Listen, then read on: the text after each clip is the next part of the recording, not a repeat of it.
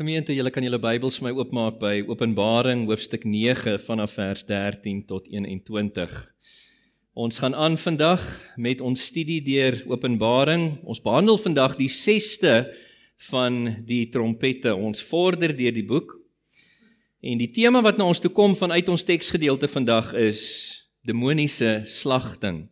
Ons het laasweek gekyk na demoniese tuistering deur die simbolisme van die sprinkaan plaag toe die vyfde trompet geblaas het. Vanoggend kyk ons na demoniese slagting. Geliefdes, ek wil eintlik maar met die deur by die huis inval en vanoggend vir julle sê oorloë en gerugte van oorloë was nog altyd in hierdie wêreld.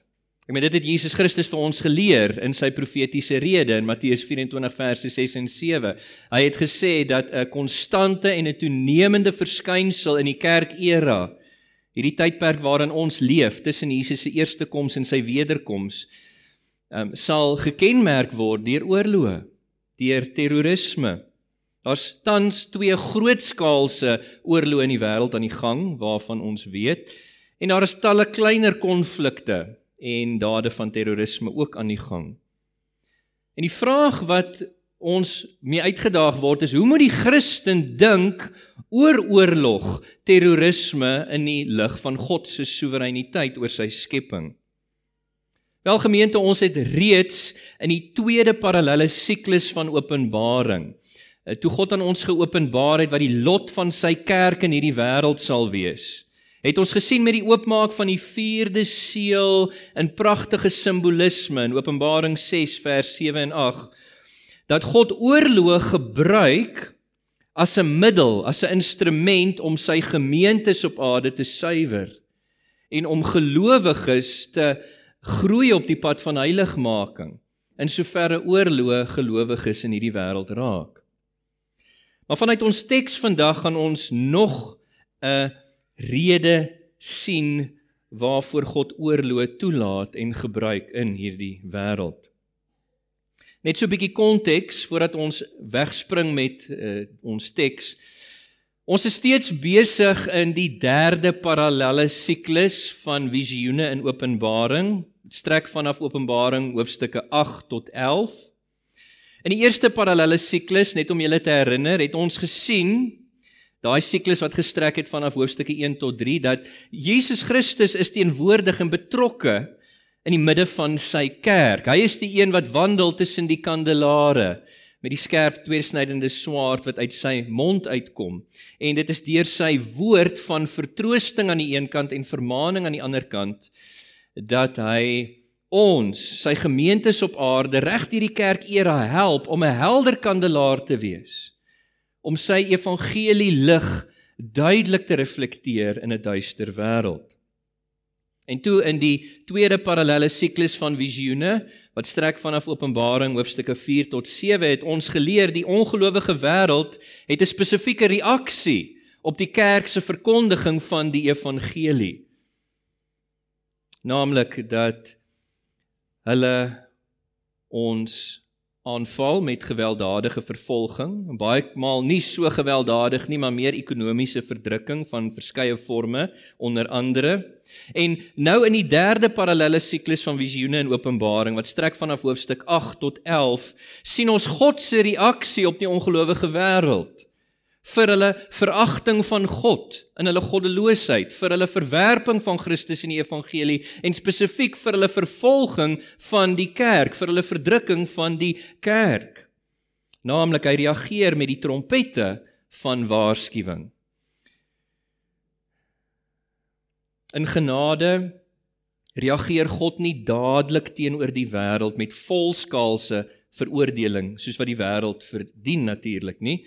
Maar ons het gesien, soos wat die trompette geblaas het, dat hy tref eerste die wêreld vir haar veragting van God, vir haar verwerping van die evangelie, vir haar vervolging van die kerk. Hy tref hulle eers indirek deur rampe wat land en see en waterbronne en hemelligte affekteer. Ons het dit gesien onder die eerste 4 trompette in Openbaring 8 vers 1 tot 12. Dinge soos brande, vloede, aardbewings, tsunamies, peste en siektes as gevolg van staande of besoedelde waters, vulkaniese uitbarstings, storms, droogtes, al hierdie dinge gebruik God as 'n waarskuwing teen die ongelowige wêreld om hulle sodoende op te roep tot bekering en geloof in Jesus.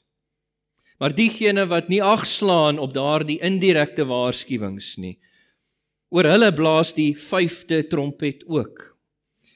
En dit is 'n direkte aanslag op die ongelowige wêreld deur demoniese tuistering van individue. Hierdie is 'n persoonlike waarskuwing soos ons onder die 5de trompet gesien het in hoofstuk 9 vers 1 tot 12 laasweek.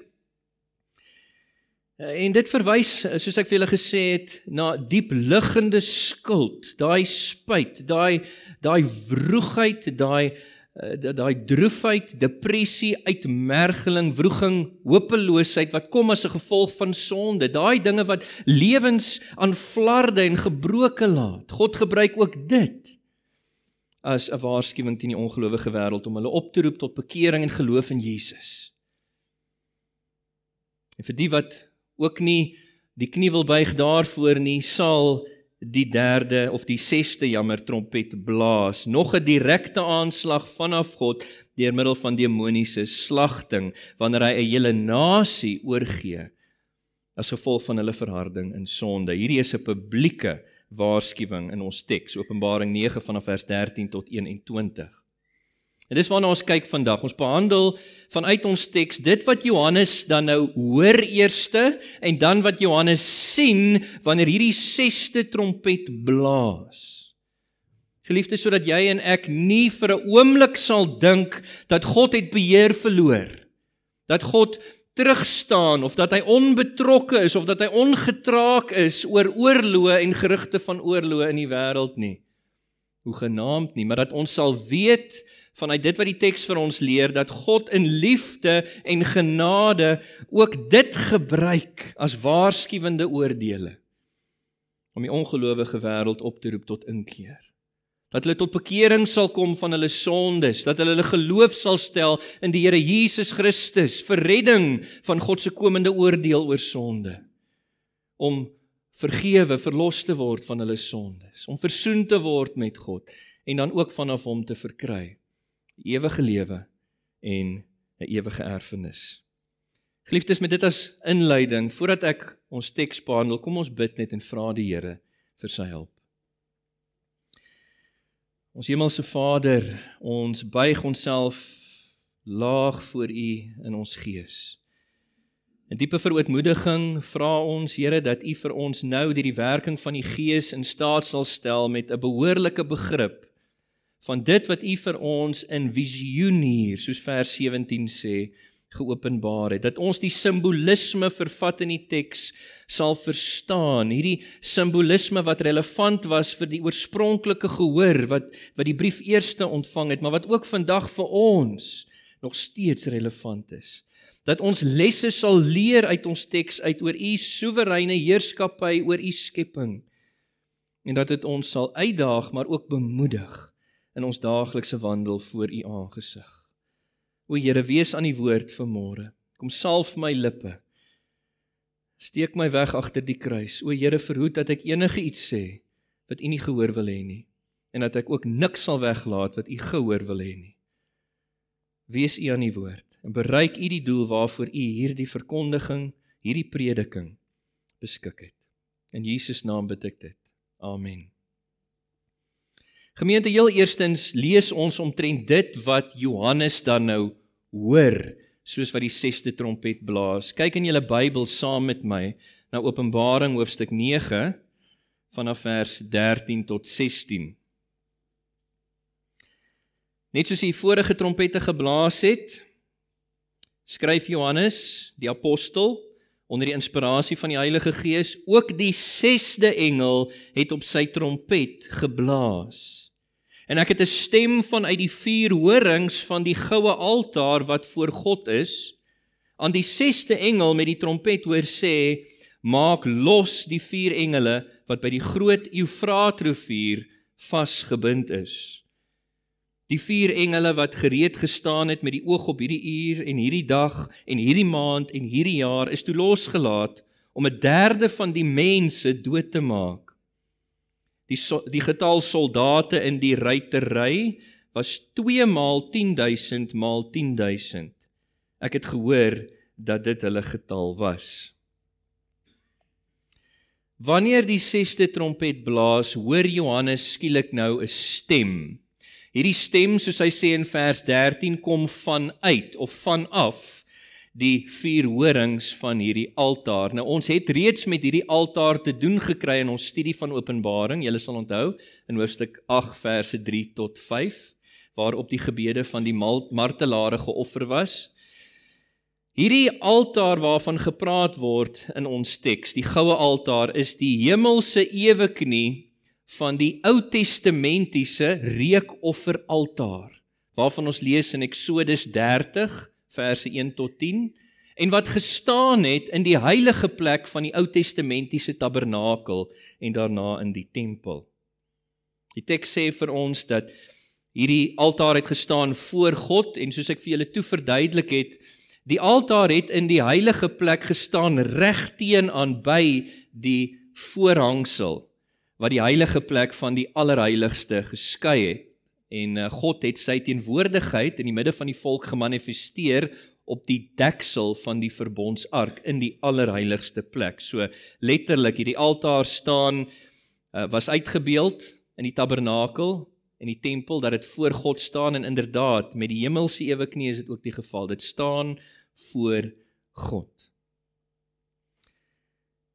Hierdie altaar is die altaar van Openbaring 8 vers 3 tot 5 en die stem wat Johannes hoor is die stem van niemand anders nie as God self wat ook dan die opdrag gee van vers 14 maak los die vier engele wat by die groot Eufraatrivier vasgebind is. Hoekom laat God eers vir Johannes hierdie stem hoor voordat daar enige iets gebeur met die blaas van die 6ste trompet? Geliefde, dit is ter wille van die gehoor wat eerste hierdie brief vanaf Johannes ontvang het in die einde van die 1ste eeu en dit is ook ter wille van jou en my om ons te herinner dat die 6ste trompet net soos die eerste 5 trompette kom in antwoord op gebed. Gebed. die gebed van die martelare, die gelowiges onder vervolging en verdrukking. En dit was die oorspronklike gehoor verseker en dit is steeds die geval met baie gelowiges wêreldwyd. Julle sal onthou ek het vir julle uitgewys in Openbaring 6 vers 10 net die martelare toe die vyfde seël oopgemaak is bidend hulle pleidooi gerig aan God Here hoe lank nog gaan u heilige waaragtige Here vertoef en wag om ons bloed te wreek op die bewoners van die aarde. Daai gebed was toe geoffer in hoofstuk 8 vers 3 tot 5 in daai pragtige simbolisme het ons gesien dit het opgestyg voor die aangesig van die Vader. Saam met die reekwerk natuurlik dit was vergesel met die intersessie die intrede van Jesus Christus vir die gelowiges om hulle gebede aanvaarbaar en 'n lieflike geur voor God te maak. En ons sien God het nie net geluister nie maar hy het gehoor gegee deur vanaf daai selfde altaar kole te neem en dit op die aarde uit te laat gooi en toe daai kole uitgegooi is 'n uitbeelding van God se brandende oordeel wat oor hierdie wêreld sal kom vir hulle vervolging van die kerk, maar ook hulle goddeloosheid toe die engele met die sewe trompette gereed gemaak om te blaas. Dit kom in antwoord op gebed. En hier is vir ons 'n kosbare les om te leer, geliefdes. Dat God hoor. God verhoor ons gebede en hy tree toe in ons omstandighede met sy voorsiening met sy leiding, met sy beskerming, wat ook al ons omstandighede mag wees, veral in ons omstandighede van vervolging en verdrukking. Ek het dit al onder julle aandag gebring in die verlede. Maar hierdie is lesse wat ons oor en oor leer. Kosbare lesse. En hierdie week weer vir die Here jou herinner geliefde. In jou omstandighede kom na die Here toe. Buk neer voor hom in die binnekamer van gebed. Hy staan en wag met oop arms om jou te ontvang en om aan jou te bied sy voorsiening, sy leiding, sy beskerming in Christus Jesus deur die werking van sy Heilige Gees. Wat 'n groot vertroosting moes dit nie vir hierdie oorspronklike gehoor gewees het wat eers hierdie brief ontvang het nie. terwyl hulle vervolg was in die Romeinse ryk deur Romeine en Jode dat God antwoord hulle gebede en laat sy trompette blaas. En ook vir ons vandag is dit steeds 'n groot bemoediging. God hoor en verhoor ons gebede veral in ons tye van verknorsing vir die geloof. Hierdie stem wat Johannes hoor as die 6ste trompet blaas beveel dan hier in vers 14 maak los. Maak los die Griekse woord hier is luo wat uh, eintlik maar beteken om die bande waarmee iets gebind is te ontbind en dan jou beheer daaroor op te hef. En dis presies wat God dan nou doen as hierdie 6 die trompet blaas. Hy maak los vier engele en hy hef sy beheer oor hulle op sodat hulle kan gaan. Dit is bande rondom soos die teks sê hier in vers 14 die vier engele. Uh, let op, hy gebruik hier die bepaalde lidwoord die wat vir ons uitwys dis 'n spesifieke vier engele, nie enige vier nie, spesifieke vier. Wie is hulle? Welgeliefdes, Eerstens moet ons erken dit is gefalle engele, demone, want nêrens anders in die Bybel lees ons dat heilige engele word gebind of vasgebind nie. So ons weet ons het hier met gefalle engele, demone te doen. En tweedens ook, ons lees in die res van die Nuwe Testament dat daar dikwels na Satan en sy demoniese magte in terme van rangorde verwys word. Soos byvoorbeeld in Kolossense 2 vers 15 waar ons lees dat Christus het deur sy kruisdood die magte, die die wêreldheersers, die maghebbers, die owerhede uitgeklee in die publiek. Ehm um, so hierdie vier engele is waarskynlik deel van Satan se hoë lei, van sy bose weermag van demone.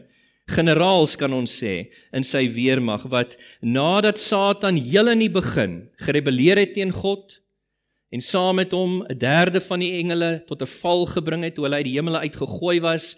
Heel in die begin toe het God waarskynlik hierdie vier engele, deel van Satan se hoëlei, vasgebind vir hierdie spesifieke doel van die 6ste trompet. Ons leer ook hier 'n waarheid en dit is ook 'n waarheid wat ek in die verlede onder julle aandag gebring het 'n waarheid wat ek weer eens seker 'n paar maal soos ons deur Openbaring werk vir julle aan gaan herinner. Maar ek wil wees soos Paulus in Filippense 3 vers 1 of soos Petrus in in uh, 2 Petrus 1 vers 13 wat hy sê vir my om dieselfde goed onder julle aandag te bring is nie vermoeiend nie want dit is vir julle 'n versterking van julle geloof. Dit bied vastigheid aan julle. Let op. God laat los. Hy het eers vasgebind en hier laat hy los hierdie vier engele. Dit sê vir ons dat God is sterker as. Dit sê vir ons God is soewerein oor Satan en sy demoniese magte. Hy het hulle eers vasgebind vir sy eie alwyse doeleinde sonder dat hulle enigiets kon doen daarteenoor. En hy is die een wat hulle nou op sy bepaalde tyd loslaat sonder dat enige een iets daaraan kan doen. Soos in die geval van Job kan Satan en sy demoniese magte absoluut niks doen apart van God se bepalende en toelatende wil nie. God beveel maak los en Satan en sy demoniese magte moet gehoorsaam. Soos ek laasweek genoem het, ek wil weer hierdie woordprentjie gebruik.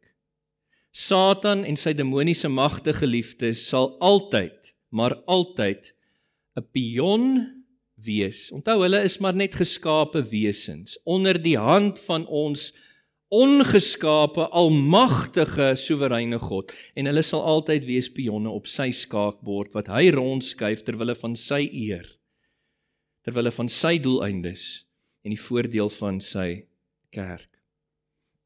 Nou let op wanneer hierdie vier engele losgelaat word, sê vers 15 vir ons, hulle word losgelaat met die oog op hierdie uur, hierdie dag, hierdie maand, hierdie jaar. Wat sê dit vir julle? Dit sê vir my dat die sesde trompet is vooruit beskik. Dat God het dit beplan vir 'n spesifieke uur, dag, maand, jaar. Weereens 'n les wat ons hieruit leer geliefdes is dat God is betrokke in. Ons wonder baie keer as ons na die wêreld rondom ons kyk, maar laat dit vir jou 'n les wees vanoggend. Iets wat jy onthou, iets wat jy vir jouself neem. God is betrokke in en hy is in beheer van sy skepping in die groot en in die klein. Sy bloudrukplan vir sy wêreld sal tot uitvoering kom, soos Efesiërs 1 vers 11 vir ons sê. Hy werk alle dinge.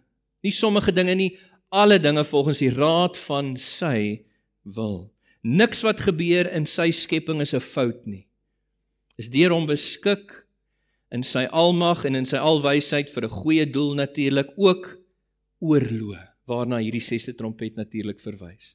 Selfs oorloë ten spyte van die verwoesting daarvan en die tragiese gevolge daarvan is onder die beheer van die Here en hy gebruik dit vir sy goeie doeleindes. Ek wil net hier noem op hierdie punt.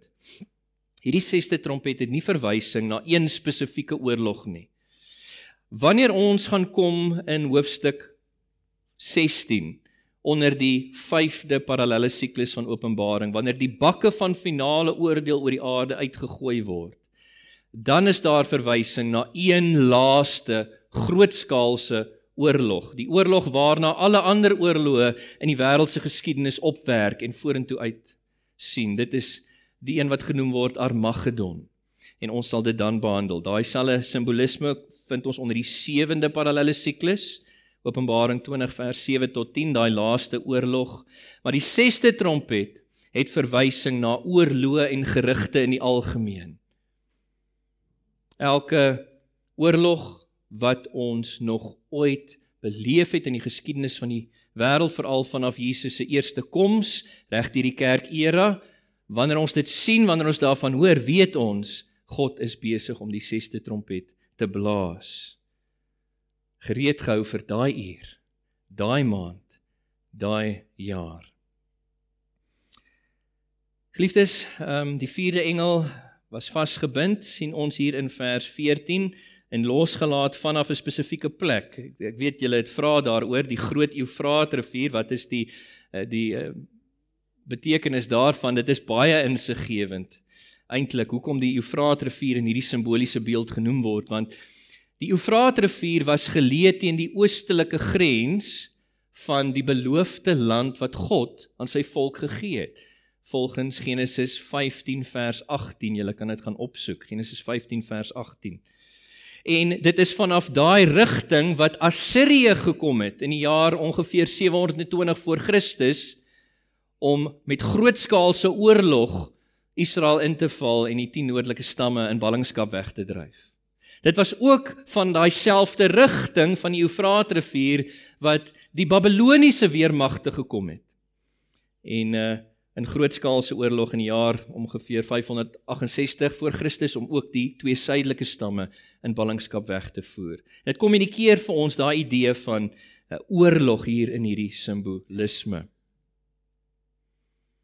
Dat hierdie vier engele word van daai selfde rigting losgelaat en daarom wanneer hulle losgelaat word dan sien ons hierdie weermag wat voortry. In vers 15 uh, die doel van hulle voortry word vir ons baie duidelik uitgespel hier in vers 15 om 'n derde van die mense dood te maak. Hier die woord apokteino wat beteken om dood te maak op 'n gewelddadige wyse deur middel van oorlog met ander woorde. En daarom lees ons as hierdie vier engele losgelaat word in vers 15 net in die volgende vers sonder waarskuwing sien ons dadelik is daar 'n weermag perde ruiters wat voortry. 'n ongelooflike hoeveelheid. In die teks 200 miljoen perde ruiters en geliefdes ons weet ons het hier te doen met simbolisme want daar was nog nooit in die geskiedenis van die wêreld 200 miljoen perde gelyktydig op hierdie aarde nie. Johannes, die getal is so groot hy kon dit nie tel nie. Hy hy hoor 2 maal 10000 maal 10000. Is nie 'n regte weermag van perderyters nie. Inteendeel, ek weet nie of julle al perde gesien het met leeukoppe en slangsterte wat vuur blaas nie. Dis simbolisme en dit beeld vir ons uit hier demoniese magte. Onder die 5de trompet, toe dit geblaas was, was ons uitgebeeld Satan en sy demoniese magte onder 'n sprinkaanplaag. Hier word vir ons uitgebeeld Satan en sy demoniese magte onder hierdie weermag van perderuiters. In terme van uh, wat Johannes se eerste eeuse gehoor sou verstaan. Hulle sou verstaan as hulle hoor uh, van 'n weermag perderuiters. Hierdie weermag, hierdie bose mag van Satan ry konstant deur die kerk era voort. Vanaf Jesus se eerste koms tot sy wederkoms deur middel van oorlog wat God dan gebruik as waarskuwende oordeele oor die ongelowiges om hulle op te roep tot inkeer. En die idee hier geliefdes van hierdie getal. Onthou ek het vir al julle al voorheen gesê in die literatuurvorm waarin Openbaring vir ons gegee is, 'n apokaliptiese profesie soos Openbaring 1 vers 1 en 1 vers 3 sê, is ook die getalle het dit simboliese konnektasie. In ander woorde, wanneer hierdie groot massiewe hoeveelheid perderyters voortry, op die ongelowige wêreld. Beeld dit uit die oorweldigende aard wanneer God 'n nasie oorgee in die hande van Satan en sy demoniese magte weens hulle verharding en sonde wanneer hulle oorgee aan oorlog. En by wyse van toepassing wil ek vir julle vanoggend sê, wanneer ook al ons hoor van oorloë en gerugte van oorloë, soos byvoorbeeld Rusland en Oekraïne, soos byvoorbeeld Israel en Hamas, weet ons dat God die sesde trompet blaas wat die vier engele loslaat, die vier simboliese engele wat die 200 miljoen simboliese perderyters loslaat as 'n waarskuwende oordeel in hierdie wêreld. Dan tweedens, nie net hoor Johannes sekere dinge in die teks nie. Johannes sien sekere dinge in hierdie visioen. Ek lees vir julle weer ons teks Openbaring 9 vanaf vers 17 tot 21. Volg asseblief saam met my weer in julle Bybels.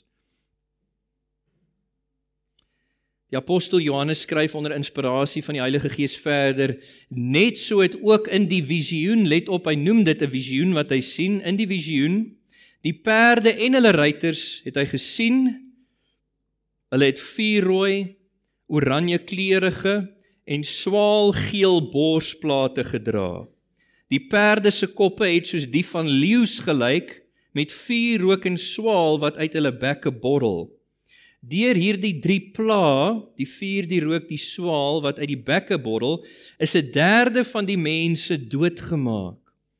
Die perde se krag het in hulle bekke en sterte gelê want hulle sterte was net so slange met koppe aan waarmee hulle skade aanrig. Nogtans het die res van die mense wat nie deur hierdie plaag doodgemaak is nie, hulle nie bekeer van die werke van hulle hande nie. Hulle het aangehou om die demone te aanbid, ook die afgode van goud, silwer, koper, klip en hout wat nie kan sien, hoor of loop nie. Hulle het hulle dus nie bekeer van hulle moorde, hulle towery, hulle onsedelikheid of hulle steelery nie. Wanneer hierdie sesde trompet blaas, sien Johannes dan hierdie weermag perderyters wat te voorskyn kom met die loslaat van die vier engele.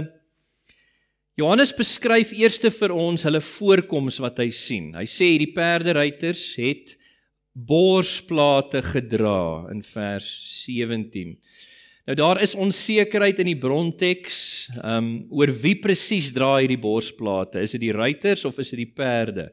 Is nie regtig belangrik nie. Dit kan ieder een wees, ehm um, vanuit die bronteks. Wat wel belangrik is is die kleure wat Johannes uitwys hier, want hy doen moeite om dit te beklemtoon.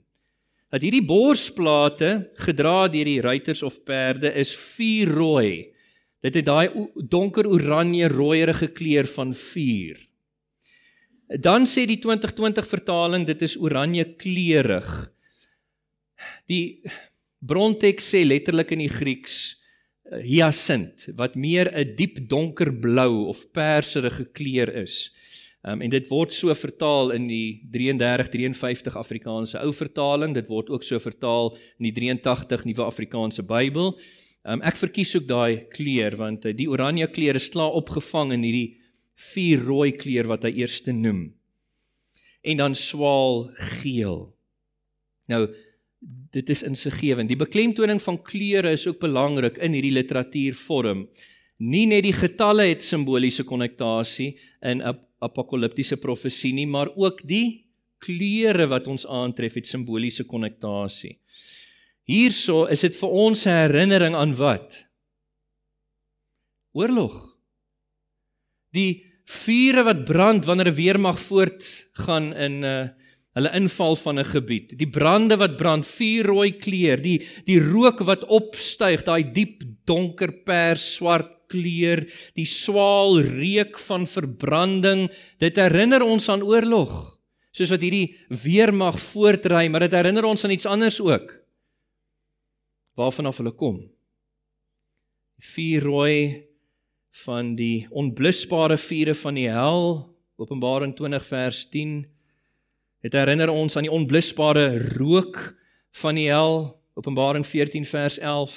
Dit herinner ons aan die onblusbare reuk van swaal, daai brandreuk, Openbaring 21 vers 8. Daarom vanuit hierdie simbool wil ek vir julle sê oorlog het altyd 'n sataniese, 'n demoniese dryf daar agter. En dit word aangesteek uit die put van die hel dan sien ons dat hierdie perde wat voortry, hulle koppe wat gelyk het soos leeukoppe, weer een simbolisme, dis nie letterlik 'n leeukoppe wat hy sien nie, dit het gelyk soos. In vers 17 en hulle het sterte gehad wat gelyk het soos slange in vers 19 wat vir ons hier uitbeeld die verwoesting wat vir ons uitbeeld die skade van oorlog soos wat hulle voortgaan rig hulle verwoesting aan berokken hulle skade en Johannes skryf dan oor hierdie effek van hierdie perderyters wat voorry. Hy sê in vers 17 hulle het gespoeg vuur en rook en swaal uit hulle bekke waardeur 'n derde van die ongelowige mense gedood is. Duidelike konnektasie weer hier met die brand, die rook, die swaal reuk oorlog wat uit die put van die hel aangevuur word. En dit word genoem in vers 18 pla, hierdie vuur, hierdie rook, hierdie swaal pla en tereg so die woord verplaag wat gebruik word hier beteken swaarigheid of 'n aanval wat wyd verspreide en intense lyding veroorsaak. Is dit nie wat gebeur wanneer ons oorlog het in die wêreld nie? Wyd verspreide intense lyding. Dit bring teweeg die doodmaak van mense wat geskape is na die beeld van God. En dit bring teweeg elke ander traumatiese tragediese resultaat denkbaar. En weer eens hier 'n kosbare les, soos ek vir julle uitgewys het onder die vorige trompette. Let op. Hierdie waarskuwende oordeel onder die 6ste trompet word ook ingeperk deur die Here. In sy liefde vir die wêreld, in sy genade wil hy vir hulle 'n geleentheid gee om tot bekering te kom. Slegs 'n derde van die mense word getref, soos vers 15 en vers 18 vir ons spesifiek sê. Tog, let op, van laasweek af, daar is intensifisering. Laasweek het ons gesien Satan en sy demoniese magte was slegs onder die 5de trompet toegelaat om mense te pynig. Soos wat God individue oorgee aan die gevolge van hulle sonde. Maar hier sien ons dat Satan en sy demoniese magte toegelaat word onder die 6de trompet om dood te maak wanneer God 'n nasie oorgee weens hulle volharding in sonde aan oorlog. Dis asof God die mense dwing as dit ware tot inkeer, bekering en geloof. En Johannes beskryf dan helaas dat hy sien die diepliggende aard van die natuurlike mens sonder Christus, sy die diepliggende aard van sy ingebore sondige verdorwenheid en die vlak van hulle verharding. Ons kan dit amper nie glo nie dat die res van die mense sê vers 20 het hulle nie bekeer nie ten spyte van die indirekte oordeele deur die rampe wat land en see en waterbronne en hemelligte affekteer ten spyte van die direkte oordeele van demoniese tuistering en demoniese slagting wat konstant gebeur deur die kerkera het hulle hulle nie bekeer nie Johannes sê Hy sien hulle het hulle nie bekeer nie van twee dinge. Eerstens noem hy afgodery. Vers 20b. Ons lees daarso hy sê hulle het aangehou om die demone te aanbid, ook die afgode van goud, silwer, koper, kliphout ensovoorts wat nie kan sien, hoor of loop nie. Nou hierdie is vir ons 'n samevatting van alle ander godsdienste, alle sektes, alle kultusse in die wêreld. Dinge soos Islam, Boeddhisme, Hindoeïsme, Shintoïsme ensovoorts of sektes soos die Jehova Getuies, Mormonisme, die ou en die nuwe apostels, die sewende dag se adventiste. Ook kultusse, Dinge soos die spirituals in die wêreld wat die uh, New Age beweging aanhang. Oosterse mistisisme, satanisme, al hierdie dinge word ingesluit. En let op die les wat ons hier leer vanuit daai bewoording van Johannes in vers 20. Die aanbidding van enige ander god, klein lettertjie G. Ons weet daar is geen ander gode nie, daar is maar een God, ons drie enige God. Die res is alles vindingryke uitvindings van mense se verbeelding. Afgode.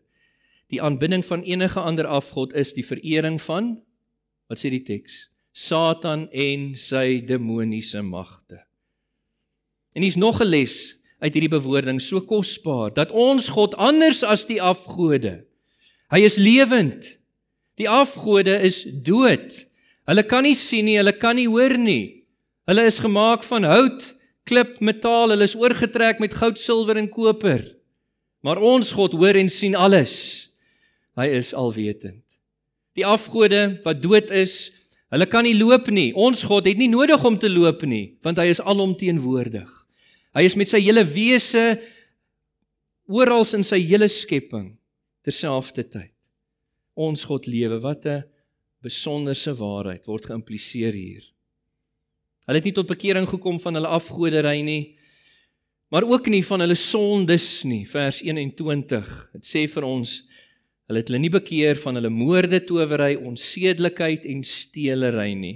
Hier het ons sinekdogie in die teks. Dis 'n beeldspraak wat enkele items noem as verteenwoordiger verteenwoordigend van die geheel. Met ander woorde, vier sondes word genoem as 'n voorbeeld van die tipe sondes wat hulle nie van tot bekering gekom het nie. Moorde word genoem vonnos, neem van lewe op 'n onwettige, intentionele wyse. Towery, die Griekse woord pharmakeia, kan jy aflei wat kry ons daarvan af? Pharmacy, pharmaceuticals.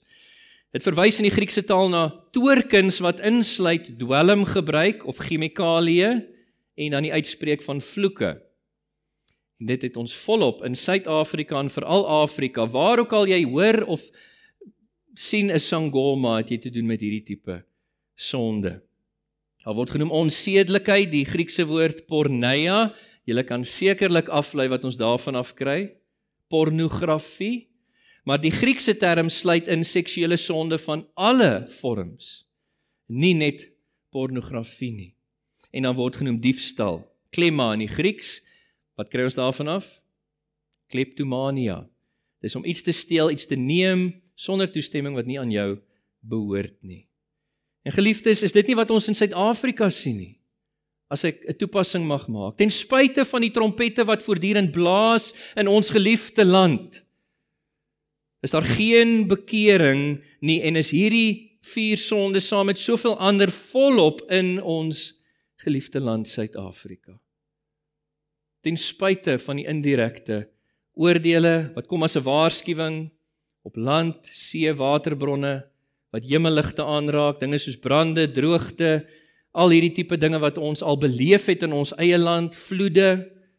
Soos ek dit sê, kan jy terugdink oor selfs onlangse nuusberigte.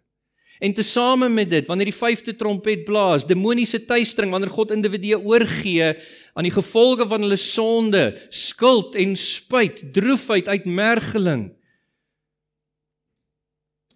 Dank die Here dat die sesde trompet nog nie oor Suid-Afrika onlangs geblaas het nie, maar geliefdes, ten spyte van hierdie dinge, is daar geen bekering nie. Ek wil hierdie boodskap afsluit met 'n woord van bemoediging en vermaaning aan julle gelowiges tye van indirekte rampspoed. Eerste vier trompette. Tye van direkte demoniese tuistering, die vyfde trompet. Tye van selfs direkte demoniese slagting.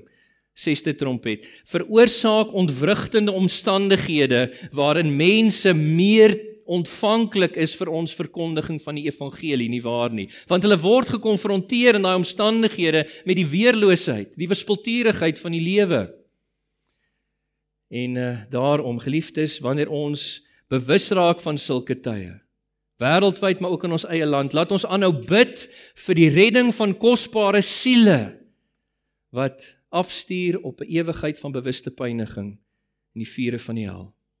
Laat ons vir hulle bid, maar nie net dit nie. Laat ons ons eie verantwoordelikheid onder die groot opdrag opneem om uit te gaan en diegene rondom ons te gaan evangeliseer.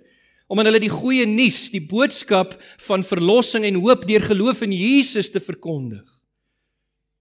Maar weet, soos wat ons teks ons leer, moenie verbaas wees wanneer slegs die enkeles positief reageer op julle verkondiging van die evangelie nie, né?